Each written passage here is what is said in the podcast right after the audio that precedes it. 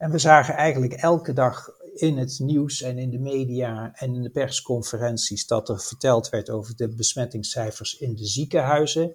En reporters die voor een ziekenhuis gaan staan om te vertellen wat daar binnen gebeurde. En bij de verpleeghuizen, daar kreeg je haast geen cijfers van. Henk Nies is directeur strategie en ontwikkeling bij Vilans.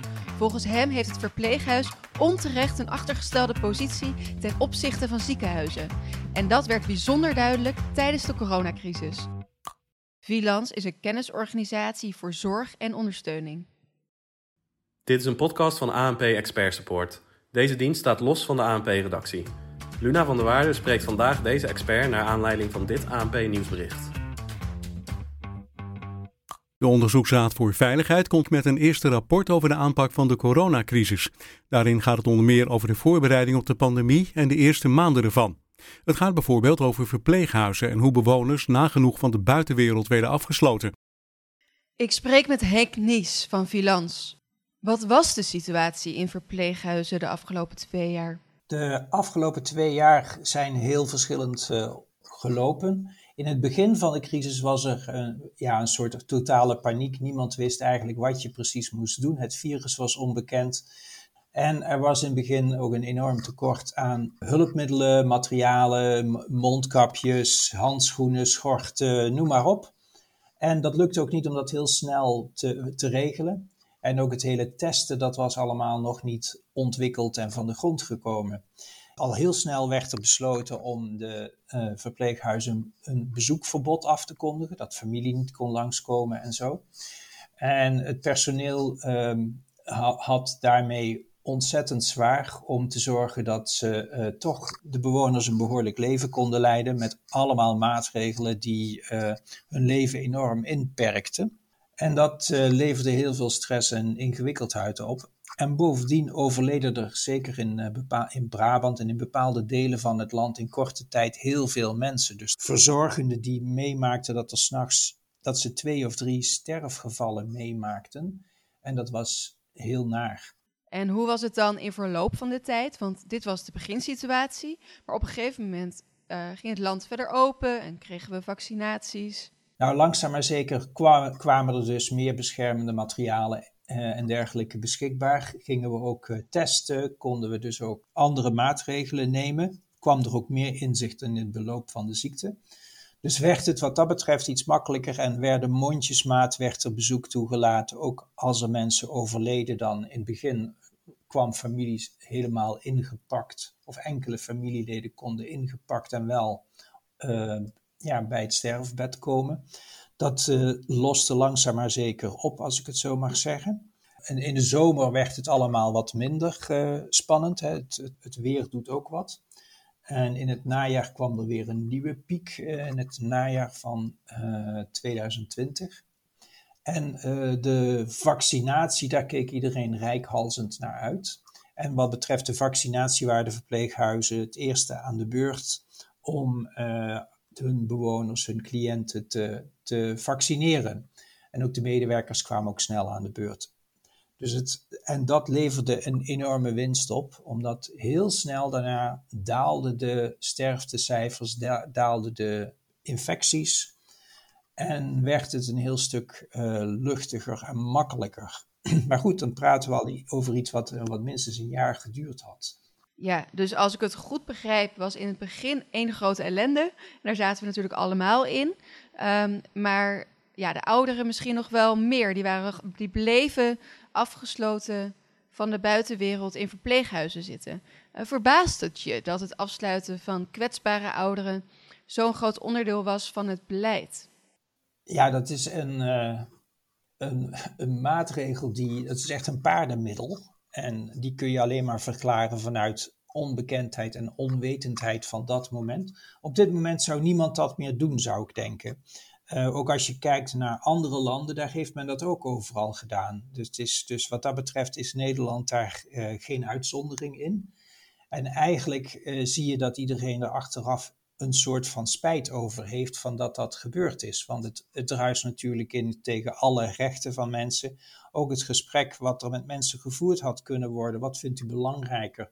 uw familie zien of een heel groot risico lopen dat u corona krijgt en daaraan misschien wel overlijdt. Weet je, dat, dat gesprek is heel beperkt gevoerd en dat is in een aantal gevallen ook niet gevoerd. En dat had een andere uitkomst kunnen hebben. Er waren veel mensen die ook zeiden van nou, ik heb liever dat ik mijn familie zie. Dan gaat toch familie boven veiligheid.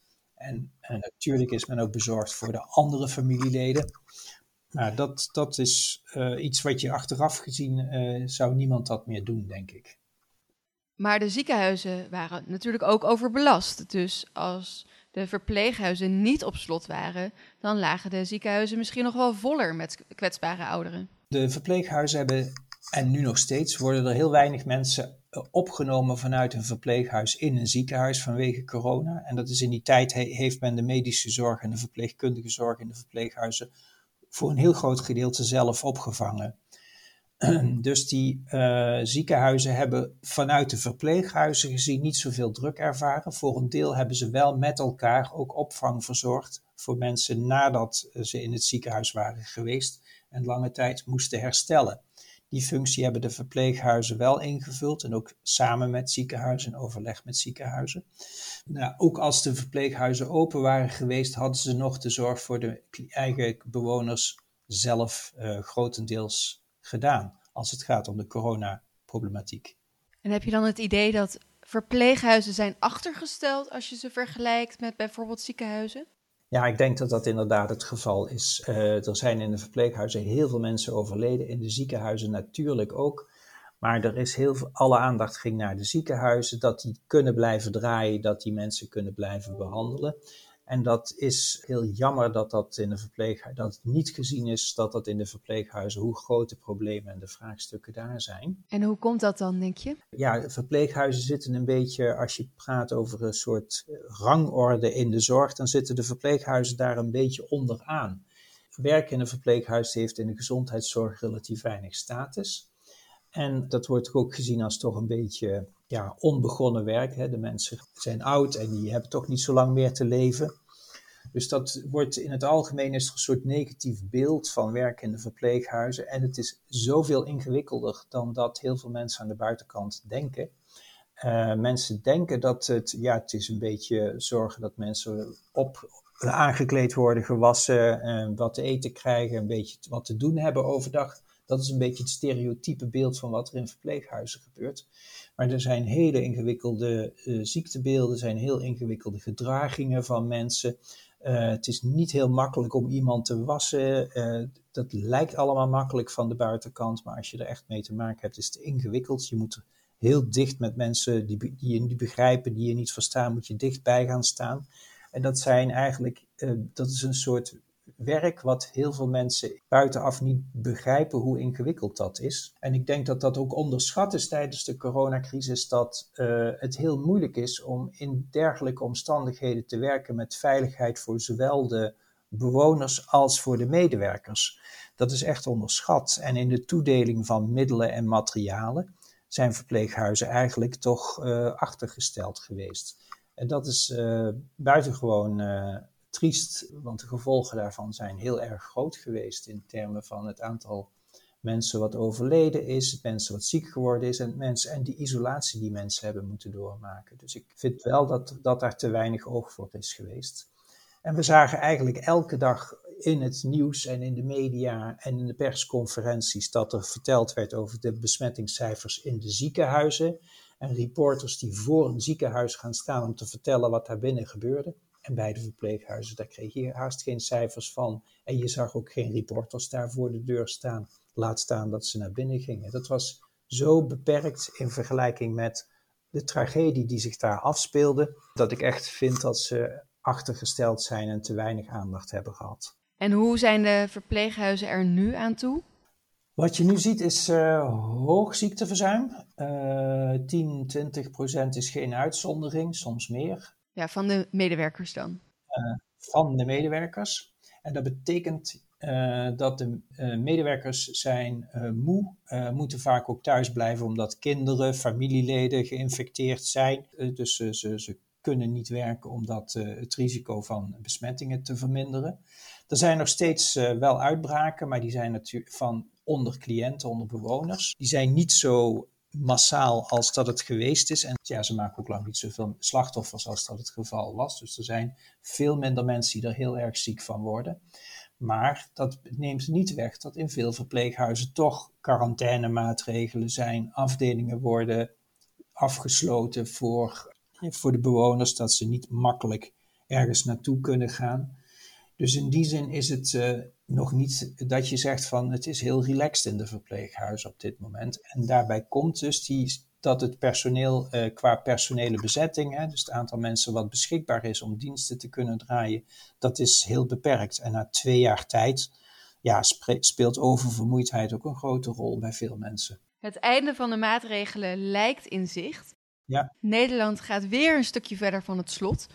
Wat betekent dit voor de mensen en het personeel in de verpleeghuizen? Ik denk dat iedereen er blij van wordt.